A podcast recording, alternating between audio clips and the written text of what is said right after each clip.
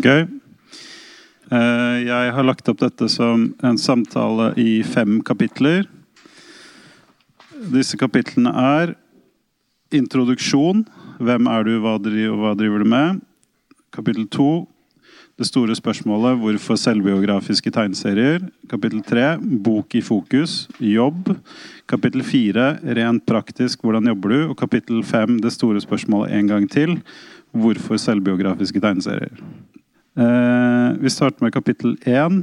Hvem er du, og hva driver du med? Og før du begynner å snakke, så er det eh, et lerret der med bilder. Det er ikke essensielt for samtalen, men det kan hende vi kommer til å vise til det. Ja. Først, det vanskeligste spørsmålet Hvem er jeg? Um, ja, nei, jeg um, er jo her i kraft av uh, yrket mitt, og det er ehm, tegneserieskaper. Men uh, jeg har også begynt å si um, at jeg er kunstner. Eh, for det er jeg. Så jeg vet ikke. Jeg kan heller si det på den måten. da, I 2020, hvordan med korona, hvordan den eh, Det har liksom Da merket jeg hvor tydelig tegneserieskapet jeg var. da, For da jeg på, hadde jeg på en måte sittet Satt jeg et helt år hver eneste dag, dag ut og dag inn, og tegnet uh, tegneserier. Og det var kanskje første gangen jeg kjeda meg med, med å gjøre det, hvor jeg plutselig merket at det ble litt ensomt. Ja, for du, Før så har du hatt en jobb ved siden av, ikke sant? Ja, før Men, så men det har du ikke i fjor? Eh, 2020 var det første året hvor jeg ikke hadde noe eh, jobb ved siden av, ja. Eh, Du er kanskje ja, Eller du er ikke kanskje, du er, du er best kjent for de to bøkene dine. Uh, ungdomsskolen og jobb. Ehm, der du skildrer uh, egne livserfaringer, men under et annet navn. Ja. De første tegneseriene jeg leste der, var da du bare jeg begynte å legge ut uh, mer sånn dagbokserier på Ja. internett. Eh, Vi har noen eksempler på det her. Ja. Ja, og det, det var jo litt sånn eh, Det fins jo en lang tradisjon for det i tegneserieverden. Den derre litt bare sånn Hva har jeg drevet med i det siste? Ja, det var uh, egentlig Jeg har jo vært interessert i tegneserier uh, stort sett hele livet, egentlig. Så, helt siden jeg lærte å lese. Og da jeg begynte på videregående, så oppdaget jeg på en måte en, en skattkiste av andre typer tegneserier. Da. Bortsett, altså, bortsett fra det tradisjonsrike landskapet alle, de aller fleste er kjent med, Donald og Fantomet. Da eh, fikk plutselig venner som hadde liksom andre kulturelle input enn meg, og så begynte jeg å lese det klassiske, mye amerikanske undergrunnstegneserier, og, og særlig eh, en som het uh, Joe Matt. Og han er jo kjent for å utlevere seg selv. Så det var på en måte det Det, det var liksom Jeg hadde sånn aha-opplevelse da jeg leste den første Joe Matt-boka eh, som jeg fikk tak i, som het Peep Show, som er en, en dagbok. Men, men uh, som du sier, veldig, han er veldig lite redd for å fremstille sette seg selv i dårlig lys. Dette er en mann som er, Jeg husker det siste intervjuet jeg hørte med han. Han, er, han er kjent fordi han bruker veldig mye tid på en eh, eh, samling han har av pornografiske filmer. Hvor han har klippet bort alle scenene han ikke liker. Og det siste intervjuet jeg hørte med han, så, så var han veldig i tvil på om han skulle overføre den fra VHS til DVD. Det er veldig sånn betegnende for tonen i tegneserien hans. da. Ja. Mm. Nei, han går jo mye Joe Matt eh, går jo mye lenger, men det er på en måte et eh, et slektskap der allikevel. Uh, Syns jo også at han er i tegneseriene sine modig, men også ganske uh, kjip til tider. Men det var jo det. eh, og så begynte jeg å lese an, annen type litteratur også, da, både norsk og utenlandsk litteratur. Jeg ble veldig glad i det som jeg skjønte het eh, dirty realism, da, hvor man på en måte hvor rollefiguren, enten det er en, en selvbiografi eller ikke, hvor man liksom skildrer noen som, som har det litt uh, kjipt, da. Eller ble veldig glad i å lese sånne bøker. Så jeg ble Så jeg, tenkte at uh, Jeg vet ikke. Det du leser mest, er kanskje det du har lyst til å lage også. Sånn, sånn følte jeg det. Og det var uh, inspirasjonen til å starte med den dagboken. Den, den kom litt av seg selv, da. Mm. I, I, en periode hvor, hvor jeg syntes at alt hadde stoppet helt opp, da. Ja, Og det var den perioden du skildrer i jobb? Ja. ja. Uh, men uh, det er en forskjell mellom disse to typene uh, Eller hva skal man si, kategoriene av selvbiografi. Her ser vi deg øverst her. Med blondt hår. Ja, til høyre, ja. ja. Mm. Og så har vi da versjonen av deg i ungdomsskolen og jobb. Der har du Der er det en distanse. Uh, ja. Nei, jeg, jeg veit egentlig ikke helt hvorfor det ble, ble akkurat sånn, men uh, jeg tror at Ja, den karakteren som er i den, den derre webserien, sånn, den dagboken, den da jeg bare Da tenkte jeg liksom helt uten filter. Prøvde i hvert fall at det er meg. Men da var også ikke foreldra mine med så mye, på en måte. Men mens eh, på, hvor på ungdomsskolen det var mer en sånn derre eh, Fordi om så den ikke er helt 100% selvbiografisk, så er den kanskje 98% selvbiografisk, som innebefatter mye eh, fra familielivet mitt og familiehistorien min. Og da var det viktig, eh, tenker jeg, å lage en Da var det litt viktigere for meg å lage en ny karakter, da. Som jeg kunne kunne forme uh, og legge til og trekke fra som det passet meg. Ja. Og jeg skulle egentlig hete Aksel. Det er derfor han heter Aksel.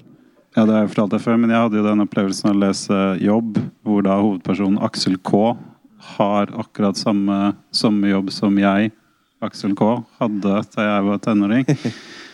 uh, hvis man hadde anlegg for å være paranoid. Uh, men ja, eh, det var det jeg skulle spørre om. Er det eh, den derre øh, Fordi forskjellen på, på, på, disse to bøkene og, og, og, de dagbokseriene var jo En av de forskjellene er jo at de dagbokseriene var jo korte. Ja. Uh, gjerne bare et par sider, en eller to sider av gangen. Uh, men er uh, disse liksom, fiksjonaliseringene Er det for å beskytte de andre involverte? for å beskytte deg selv, eller er det en sånn tanke om at du gjør det til mer tilgjengelig ved å ikke legge det så tett på deg selv? Ja, det er liksom av mange grunner, egentlig. Men jeg husker at jeg hørte på, på P2 uh, når liksom Knausgård kom med Min kamp-greia-serien, og tenkte sånn at jeg syntes det var veldig kult. Eh, men så begynte jo alt å, å rulle, da, med virkelighetslitteraturen. Eh, så det var veldig sånn I alle stipendsøknader til jobb så var jeg veldig sånn tydelig på at, at det ikke skulle være noe som skulle henge ut noen.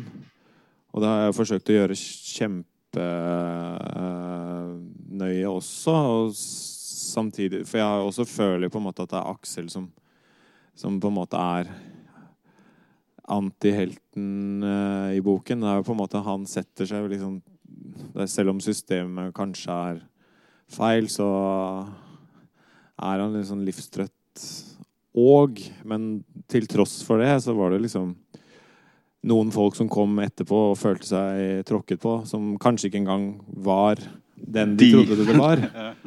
Så, det blir, så, så jeg bare liksom, tenker sånn enda en gang til tredje for da tenker jeg at det blir tre bøker om Aksel. At jeg vil gjøre det enda mer tydelig i den tredje eh, eh, boken, fordi at jeg Jeg har ikke Jeg bare syns det var veldig ubehagelig å oppleve det, og det var det sikkert for uh, de personene også. Men, men, selv om jeg ikke tenkte på dem Eh, så det er liksom sånn Ja, det ble litt sånn catch 22, da.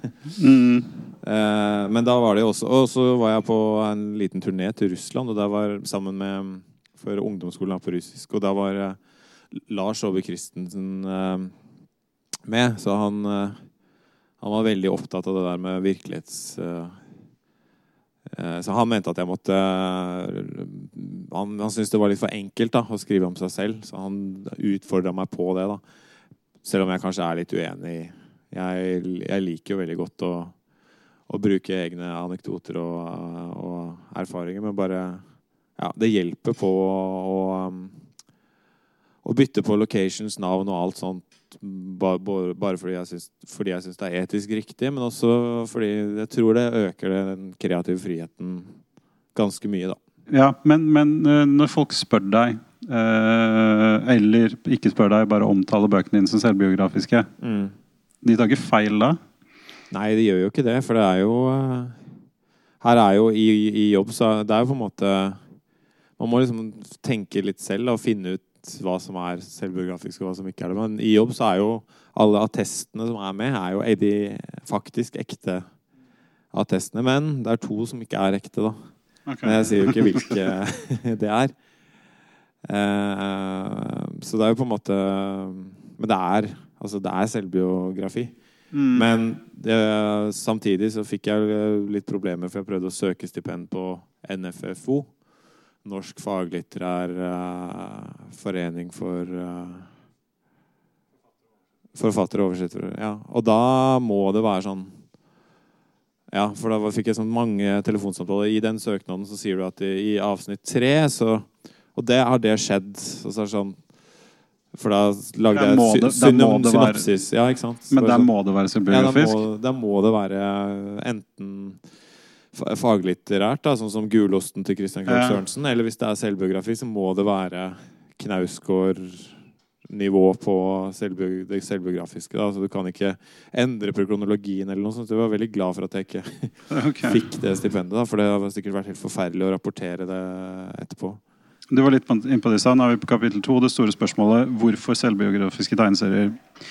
Eh, grunnen til at jeg eh, tenkte dette var inngangen til denne praten, var at eh, uten at jeg har noe tall på det, det er bare ren gjetting, så vil jeg tippe at fjoråret er det året i menneskehetens historie hvor det har vært produsert mest selvbiografisk innhold. Eh, både pga. Altså, teknologien er den der den er i dag, men også fordi pandemien har gjort at folk sitter alene. Eh, og pandemien er et så stort brudd med alt alle har opplevd fram til da, at man har et behov for å liksom, dokumentere, eh, fortelle historien. Hvordan hadde jeg det? Hvordan, du sa at du satt inne og kjeda deg, men hva, hva har det gjort med tegneseriene dine? Nei, altså Pandemien Altså Nei, jeg, jeg var på besøk til en uh, venninne her før jeg kom hit, som også driver med uh, kreative ting da, her i Bergen. Og vi bare snakket om hvordan hun liksom hadde jobbet hardt hele, hele 2020, men at det liksom ikke føltes ut som som om vi hadde gjort noe i det hele tatt, selv om vi bare hadde sittet og Du spurte om hva pandemien har gjort med tegneseriene. Ja, Eh, så ja, jeg vet ikke. For meg så er det i hvert fall veldig vanskelig å, å Når du klipper en plen, så ser du veldig tydelig hvor langt du har kommet. da, Og også når du lager en tegneserie, så, så, eh, så ser du veldig ty langt, tydelig hvor du har uh, kommet. Men akkurat her så ble det, det ble så fylt med lite annet. da, Bare eh, tegneserier at jeg liksom mistet litt oversikten på hva, hva jeg egentlig driver med. Jeg gikk litt i meg selv faktisk og lurte på om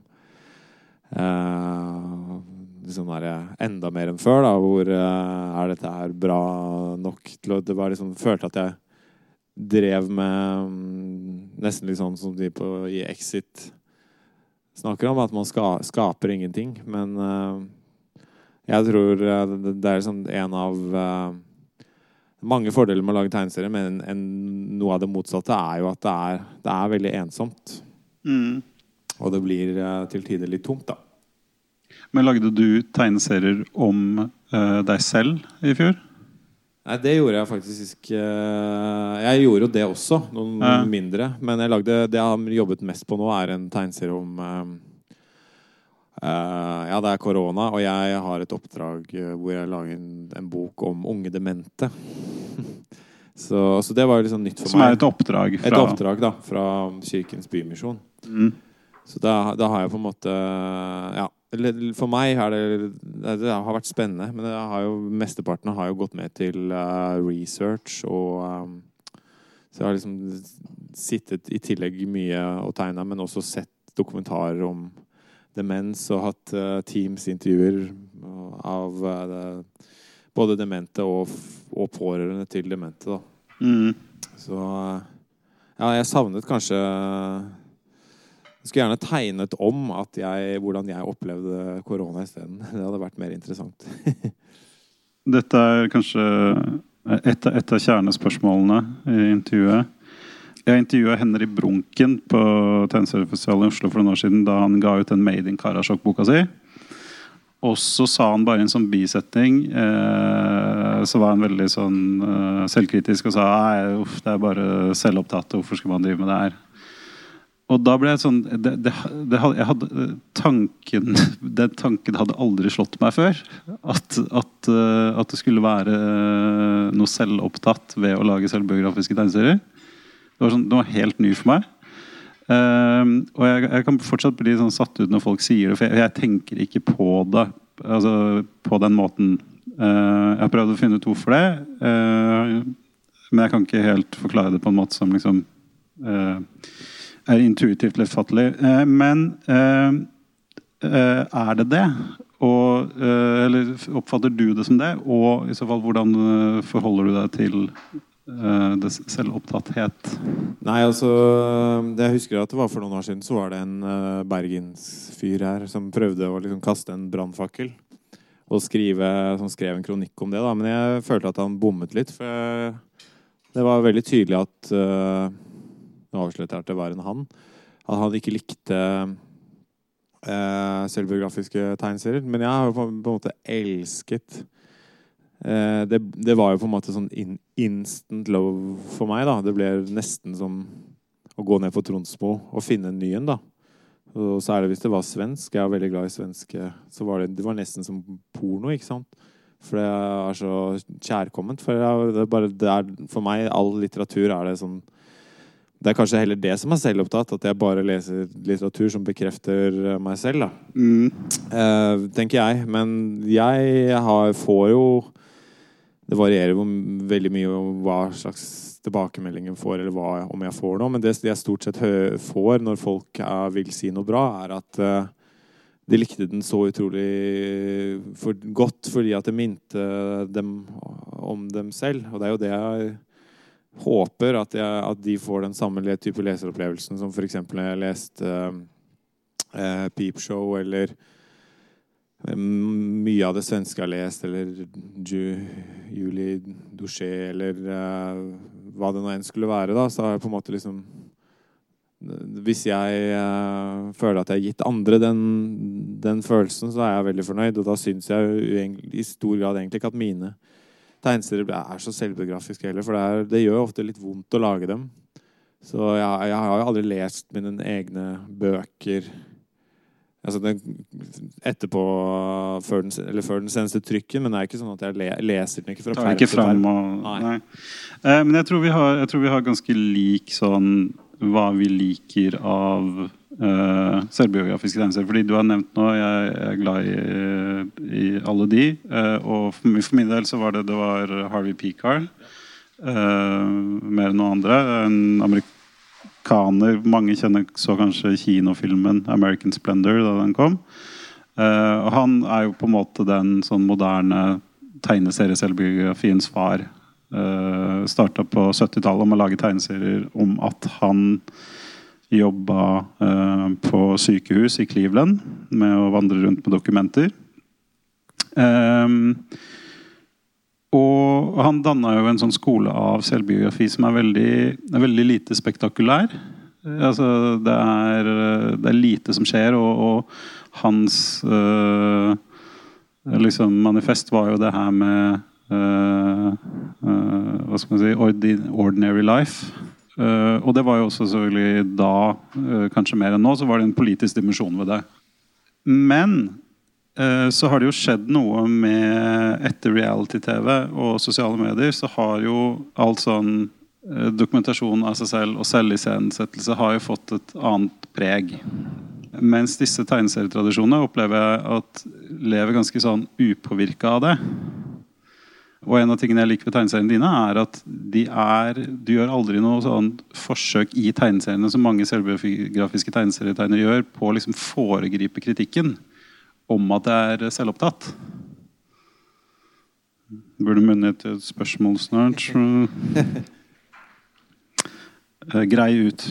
Jo, men jeg har aldri tenkt heller sånn der at eh, det- er på en måte Jeg tror det var liksom den- den viktigste lærdommen for meg når jeg følte at jeg fikk til tegneserie, var den dagen jeg sluttet å, også å prøve å, å lage et konsept som Eller, eller liksom Lage en tegneseriefortelling. en tegneseriefortelling, eh, på en måte. Eller hvor bare eh, jeg, jeg føler at når jeg lager eh, historier, da, når jeg skal fortelle dem, så De kommer liksom helt rett ut fra magen. Men jeg tror virkelig at eh, hvis det kommer noe dårlig kritikk snart, så kommer det kanskje pga. den der demensboka, hvor jeg på en måte har prøvd å lage ting som ikke jeg har um, kjent i magen selv, da. Ja. Uh, og det er liksom sånn Så, så jeg føler at den, den Jeg har aldri brydd meg heller liksom hva Om noen i hvert fall mente at jeg var veldig eksperimenterte for lite med kronologien og sånn. ja. Men det er sånn um, Ja ja, men det er det nok av andre som gjør, på en måte. Det, jeg vil bare fortelle det Jeg vil gjerne helst også lese det i kronologisk rekkefølge når, når jeg leser bøker. Jeg, det, jeg syns det funker. Eh, Formmessig. Eh, fordi eh, du sa det med at du, du slutta på en måte liksom Jeg tror mange som begynner å lage tegneserier, så, så har man et sånt bilde av hva en tegneserie er. og Det skal Ja. være enten liksom, Det skal gjerne være et liksom, morsomt sluttpoeng, eller det skal være en, en eh, veldig klar struktur. Mens de, særlig de korte tegneseriene dine er jo veldig bare sånn eh, Noen av de er jo en og en halv side. De slutter midt på siden, på en måte. Ja. Uh, og det er jo ofte veldig sånn uh, befriende å lese, særlig på, hvis man leser det på, på internett. Men i bøkene dine, så der skal det jo være en helhet. Eh, og det skal liksom Du skal, du skal i hvert fall eh, ha en følelse av at det starter og slutter. Ja. Og, men jeg husker at da du jobba med jobb, så husker jeg at vi prøvde å invitere deg for å snakke om den på Tegneseriefestivalen i Oslo, men så bare la du til og la du til kapitler. Ja, Stemmer det. Ja. Ja, men det var litt sånn eh, Ja, med, med jobb så Jeg vet ikke, det er mange svar på akkurat det der, men uh, for det første så skjønte jeg hva Tror jeg var relativt bortskjemt med ungdomsskolen. For da jeg lever, da jeg leverte ungdomsskolen, så så var det bare sånn eh, Ja, perfekt. Vi sender den til uh, trykken. Nei da, de sa ikke det, men det var liksom uh, det var, det var rett opp skrivefeilene. Det var ingenting annet. Men med jobb så var det sånn jeg jeg var, Da jeg trodde jeg var ferdig, så var det Så var det sånn derre Hva er dette her for noe, liksom? Men da var det jo Det var jo Da mangla det jo tre, tre kapitler. Ja. Eh, og eh, eh, flere av historiene var ganske eh, var liksom korte, og noen var veldig lange. Og, så da la jeg jo, som, som du sier, la, la jeg til hele tiden. Og, og da må jeg helt ærlig si at redaktøren min sa sånn Jeg hadde jo klart å dra dere i havn, liksom.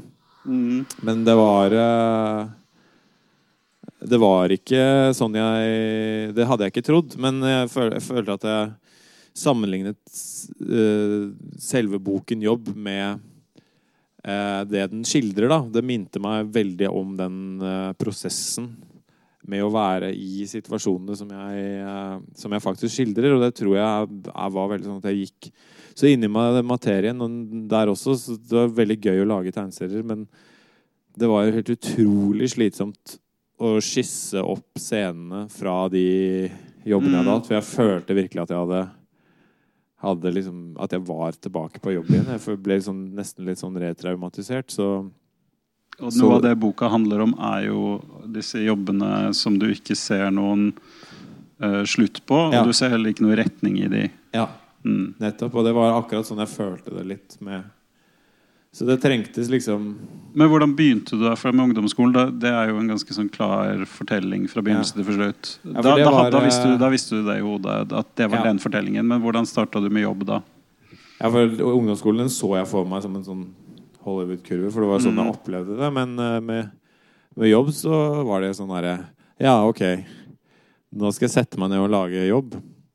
Og så bare begynte jeg Men hva var grunnideen? Var det at du skulle lage en bok om 20-årene dine? En bok om jobbene dine, eller en bok om jobb? eh, ja, altså det, var, det, var, det var litt usikkert, egentlig. ja. Ja. Jeg var, eh, jeg var på besøk hos Kristoffer Nilsen. Og så hadde han en bok som heter The Job Thing av Liv Carol Tyler. Og hun eh, har på en måte er en litt annerledes bok, da. Men der er det liksom lange skildringer fra noen ekstra kjipe jobber. Jeg tror hun jobber på et sykehjem. Og så sa han bare Kan du ikke bare lage en vi snakker, har det blir ofte mange historier. ikke sant? Og Det har så Mm. mange historier fra de jobbene dine. Kan du ikke bare lage en bok om alle jobbene, sånn som hun? Mm. Ja, ok. Ja, ja men det gjør jeg. Og så fant det, så ble det bare sånn. Mm. Men istedenfor, som jeg burde ha gjort med en gang, å skrive et manus, så gikk dro jeg på kontoret, eller atelier, eller hva man kaller det, dagen etter. Og så var det sånn Ok, dette er dag én. Og så skrev jeg bare alle jobbene. Sånn, det er jobb nummer én. Og så begynte jeg liksom i venstre ende og skulle liksom bare gjøre det ferdig, da. altså så- ingen skisser eller Ingen- manus nei. eller Jo, jo, skisser, da. Men, Ja. eh, men det ble sånn eh, Og det ble, det, ble jo, det ble litt for tungt, da. Da Mm. ble det plutselig Jeg liker jo at den er såpass lang, da. Men hvis jeg, og, og jeg tror den ble bra fordi den ble eh, laget på den måten Jeg syns den er bra. Jeg er stolt av det. Men eh, det, det, er, det er ikke sikkert det hadde vært like Du nevnte noe om at folk har så mange fasitsvar. Eller det sa du ikke, men det har jeg tenkt da på hvordan man skal lage en tegneserie. Da jeg Det blir flere og flere fasitsvar på hvordan man Ja, skal lage en tegneserie. Nettopp. Og jeg gikk på et tegneseriekurs. Og jeg hadde akkurat begynt å lage den bloggen min. Mm. Og jeg følte at jeg var liksom på rett sted. Og så følte jeg at eh, Men så jeg, følte jeg at alt ble tatt fra meg. For det vedkommende som holdt det tegneseriekurset, han var veldig opptatt av eh, Scott uh, MacLeod, som har sånn tegneserie eh, bok som heter eh, Han har flere, men Flere, Understanding Comics Understanding. Ja. Hva er tegneserie på norsk? Ikke sant? Og da var det format det var feil. Det var liksom A4. eh, det var eh, snakke... Altså, det var liksom Alt var uh, galt, da. Og da, jeg tror den opplevelsen der, og at jeg, jeg fortsatte med mitt allikevel, da. Og det har på en måte Jeg har liksom alltid hoppet bukk over alle råd som folk har gitt meg, da. Og så jeg kan ta meg selv i å gå inn til sidemannen jeg deler kontor med, Sigbjørn Lilleng, og si hva syns du om det. Nei, syns det blir litt rotete, så kan jeg likevel si liksom sånn Nei, la det stå likevel, liksom. Eller eh, Ja, men Det er jo en av funksjonene til rådet. Er jo Ja. minne deg på at du er enig med deg selv. Ja, ikke sant. Ja. Um, ok. Nå har vi brutt løs fra den forhåndslagte strukturen her. Ehm, men vi kan gå videre på det, for jeg er interessert i hvordan du jobber. Eh, du nevnte at du starter på venstre side av arket. Eh, men sånn når du La oss si at du når du skal lage denne eh, boka om unge demente. Hvor begynner du? Skriver du et manus? Altså, jeg har aldri skrevet noe manus før. Nei. Men akkurat på den unge demente-boka så, så gjorde jeg det. Og det har på en måte vært eh, Som et filmmanus, liksom? Som et filmmanus. Ja, jeg brukte faktisk ja, brukte som filmmanusprogram faktisk også.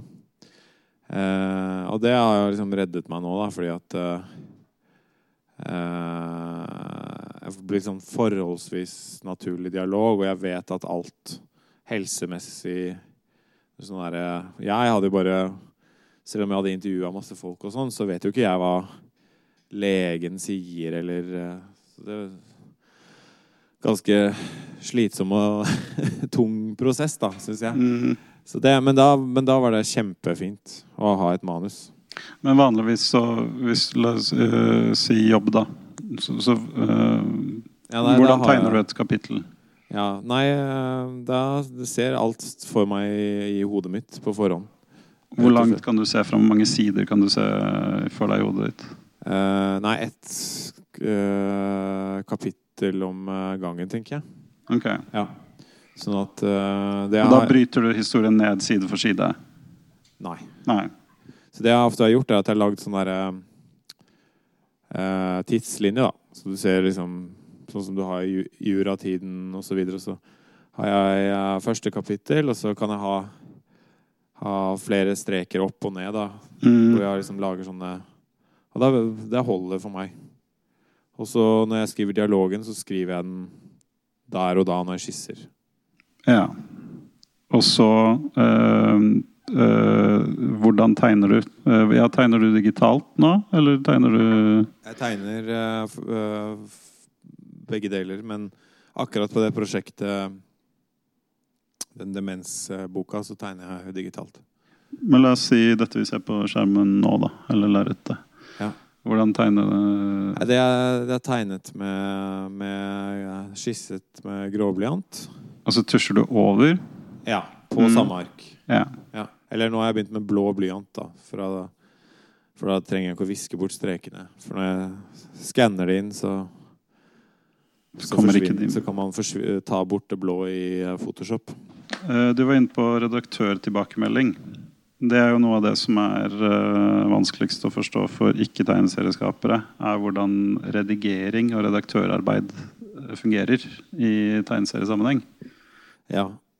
Fordi eh, Jeg husker da Daniel Close hadde jobba med den eh, Art School Confidential-filmen, så begynte han, da hadde han en sånn aha-opplevelse, for da hadde han skjønt hvordan klipping fungerer i film. Og så begynte han å lage tegneserier hvor alle rutene var like store, sånn at han da kunne digitalt klippe de ut og flytte de og bytte om eller gjøre plass til en rute til. Eh, Chester Brown jobber jo litt på samme måte at han tegner en og en rute, og så klipper han de ut og setter de på et papir. Men hvis man ikke gjør det, hvis man jobber sånn som jeg har inntrykk av at du og de aller fleste andre jobber med hele sider, så, kan, så er det jo ikke så mye annet man kan gjøre enn å tegne på nytt, er det det? Uh, nei, det er jo egentlig ikke det. Eller sånn uh, Jeg pleier på en måte å lime et hvitt, en hvit rute over den eventuelle ruta. Hvis det er noe jeg kan bruke, da, så, så lar jeg det stå, og så limer jeg et ark oppå resten, og så tegner jeg på nytt. Er, ellers så fjerner man hele siden. ja. Og er det noe redaktører gjør ofte? Nei, det er jo egentlig ikke det. Nei. Ja, jeg, jeg vet eh, nå, Jeg føler at jeg har um, det, eh, Redaktørene mine i No og Press, Espen og Sistoris, de eh, Mange som på en måte har sagt at eh, de blander seg litt for lite, men, men eh, det, det kommer ofte en oppvask til slutt, da. Mm. Eh, men jeg har vært veldig eh, heldig der, og det har aldri vært sånn at dette må bort, eller dette må, må endres. Eh, så det er veldig sånn kunstnerisk eh, frihet. Men i, i jobb så er det i hvert fall et helt kapittel som er, som er tatt bort. Da. Okay. da var jeg helt enig, da. Ja. Men det kommer etterpå det er tegna? Det er ikke, det er ikke Ja, det er tegna, liksom. Så det var tolv sider som, som ble borte, da. Eller 24, 24 sider, kanskje. Jeg husker ikke. ja. Hva handla det om?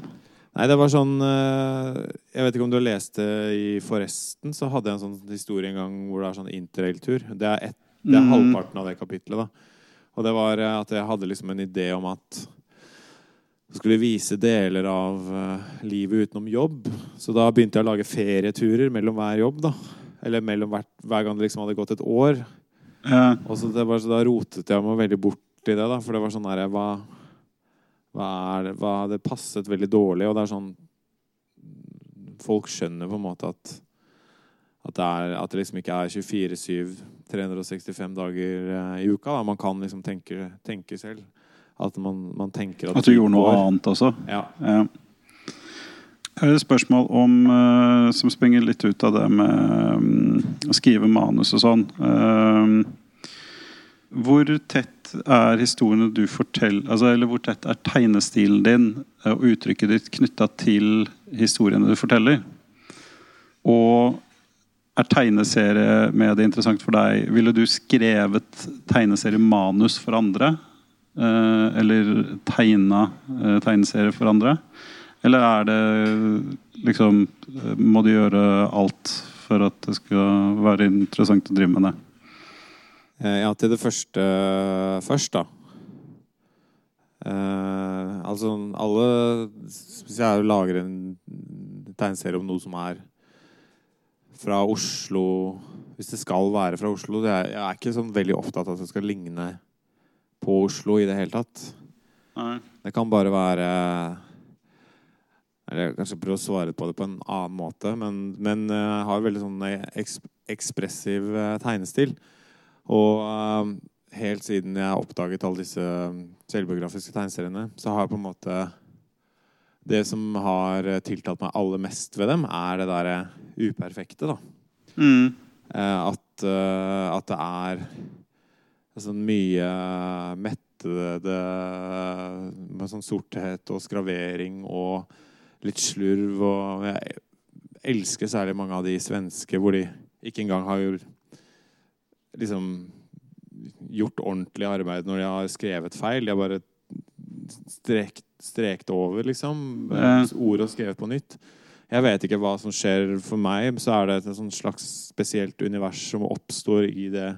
Det forsterker veldig den der eh, følelsen at det bare liksom flommer ut av Ja. personen, og at det ikke er uh, sånn som det han manus- uh, eller tegneseriedoktoren du snakka om. Ja.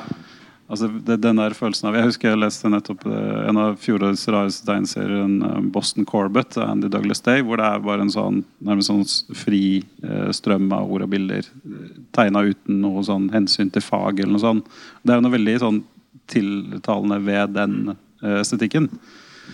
Det er det, og det er sånn for, for min egen del da, så er det sånn jeg var nettopp på Einar Granheims kunstfagskole, hvor jeg også gikk, og da ble det jo liksom dialog, dialog, veldig interessant dialog med hun kunsthistorikeren som intervjuet meg, om akkurat det derre eh, skillet mellom eh, billedkunstverden og tegneserieverden. Eller, eller, for å eller for å si det på den måten, jeg sitter i styret i Tegneforbundet, og når vi har nye medlemmer som skal inn, så er det liksom det første man, noen lurer på i komiteene, er hva slags utdannelse Mm. har dem, da. Men det er utrolig uinteressant for meg. Det er på en måte bare hva det første uttrykket som For det er på en måte ikke tegne noe man kan, det er noe man gjør.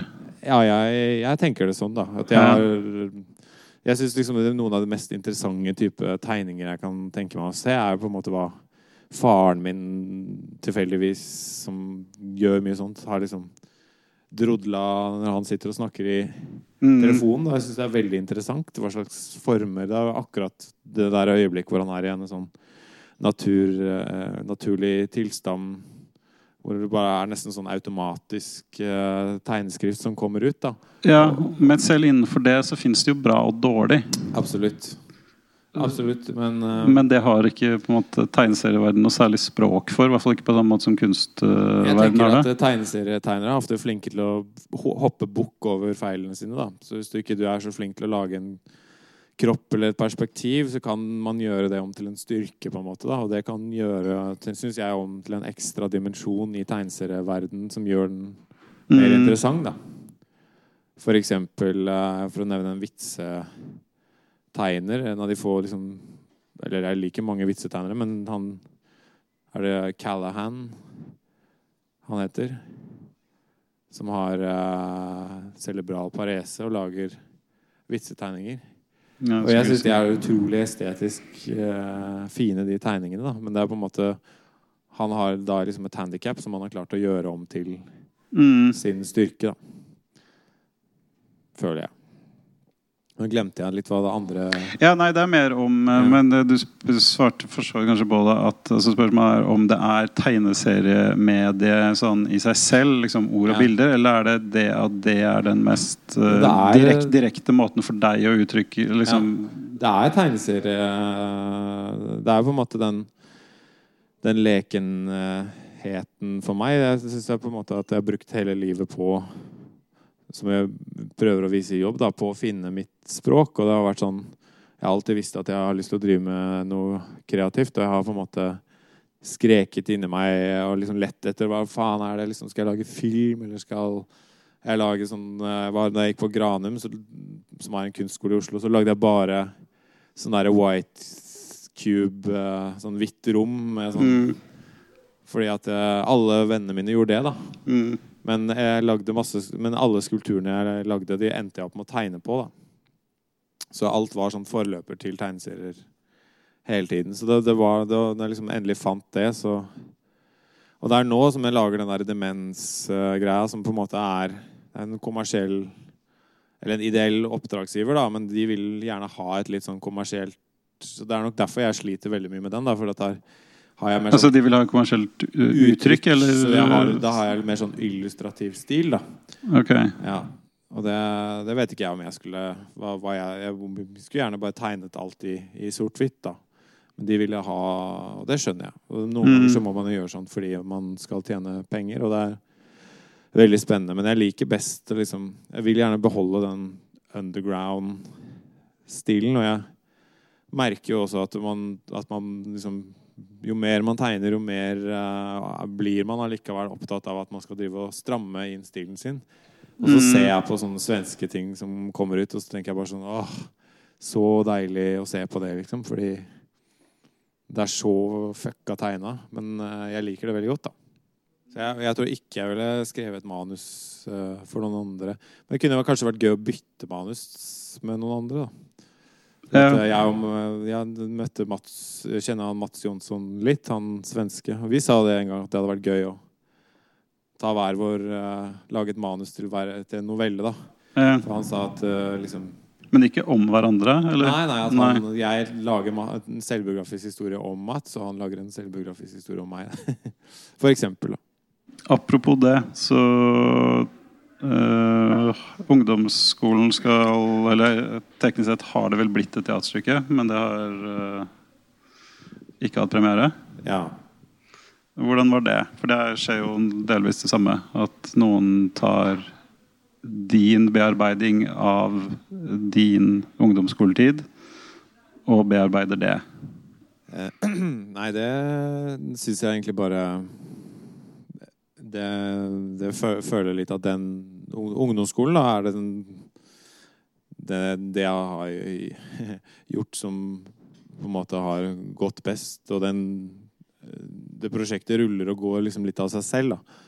Så, eh, så hun som skrev manus basert på den boka, hun var veldig nervøs, men jeg leste gjennom det, og det synes, jeg syns det var dritbra det hun hadde lagd. Men det hadde ikke trengt å være det, og jeg hadde ikke vært noe stressa av det. For det, det, jo, det er liksom Det er jo ikke det samme kunstverket. Og hun har, Toril Solvang, tatt mange eh, kreative eh, Hva heter det? Gjort eh, gjort en del endringer som jeg bare som jeg, som jeg skjønner er nødvendig for å anpasse det til teaterscenen. Men det er, eh, det er mer at jeg liksom blir beæret over at de gidder å bruke tid på det å sette det opp som et, som et stykke. Da føler jeg på en måte ikke at den boken er min, min lenger, da, eller mitt åndsverk.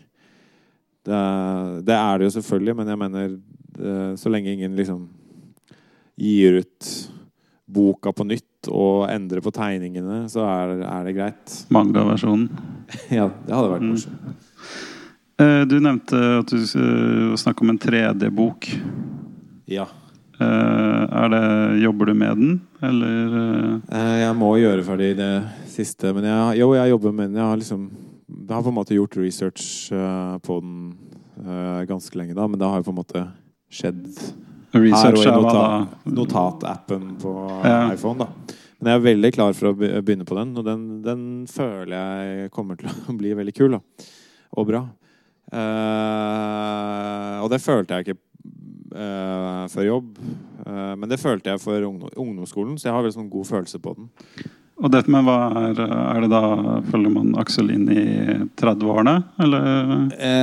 Nei, ikke helt. Det er, det er på en måte en bok hvor Aksel er med, men det er på en måte universet hans. Og så handler boken om Jeg har egentlig satt arbeidstittel drikkehistorier. Men jeg tror kanskje Jeg syns det var god nok tittel, så jeg tror den kanskje skal hete det.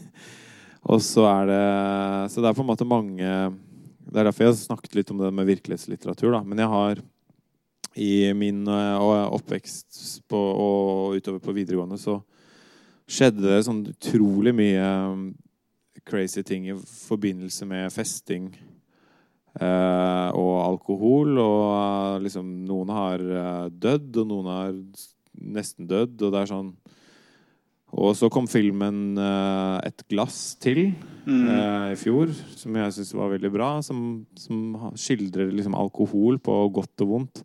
Og samtidig, midt oppi alt, så har vi liksom en debatt, debatt om rusreformen. Om vi skal beholde, uh, behandle mennesker som sliter med rus, på en anstendig måte. Mens eh, alkohol, det er liksom Man kan på en måte eh, Ja, det er vanskelig å navigere i i liksom alkohollandskapet i Norge, da, for det er så forventet at man skal drikke. Men hvis man går over streken, så kan man risikere å bli en pariakaste og, og skal være med på jobbfest, og sjefen gir deg gratis eh, bonger, men nåde deg om du blir drita og gjør et tek, liksom.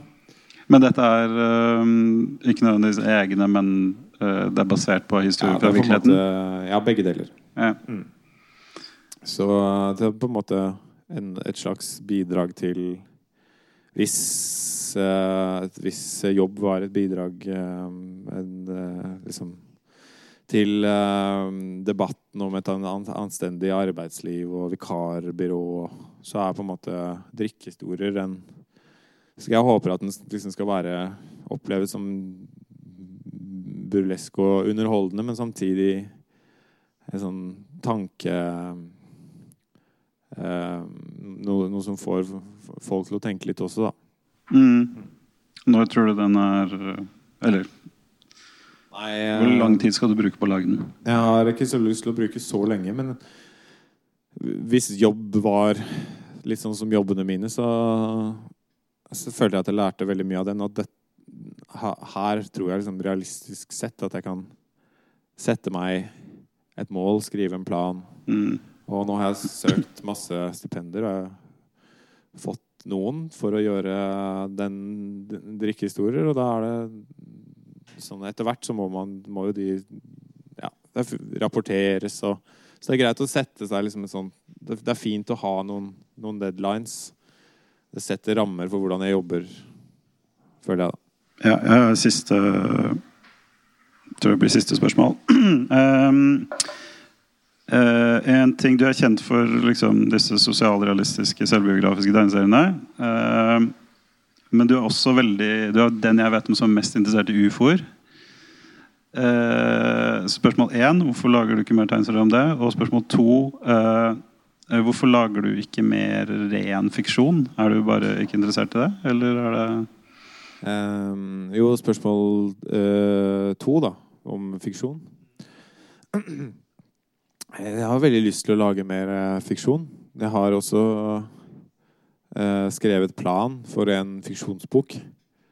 Men, uh, en, Altså prosa eller tegneserier? et tegneserie. Ja. Ja. Men det er uh, inspirert Men, det er, men det, er, det er fiksjon, da. Men det er på en måte inspirert av, av eh, Fordi faren min han er en sånn veldig dyktig historieforteller og forteller veldig sånn fint og levende fra oppveksten i Oslo. Så jeg har lyst til å lage en, eh, en eh, sånn fiksjonsdrama familiebok fra, fra liksom 50-tallet.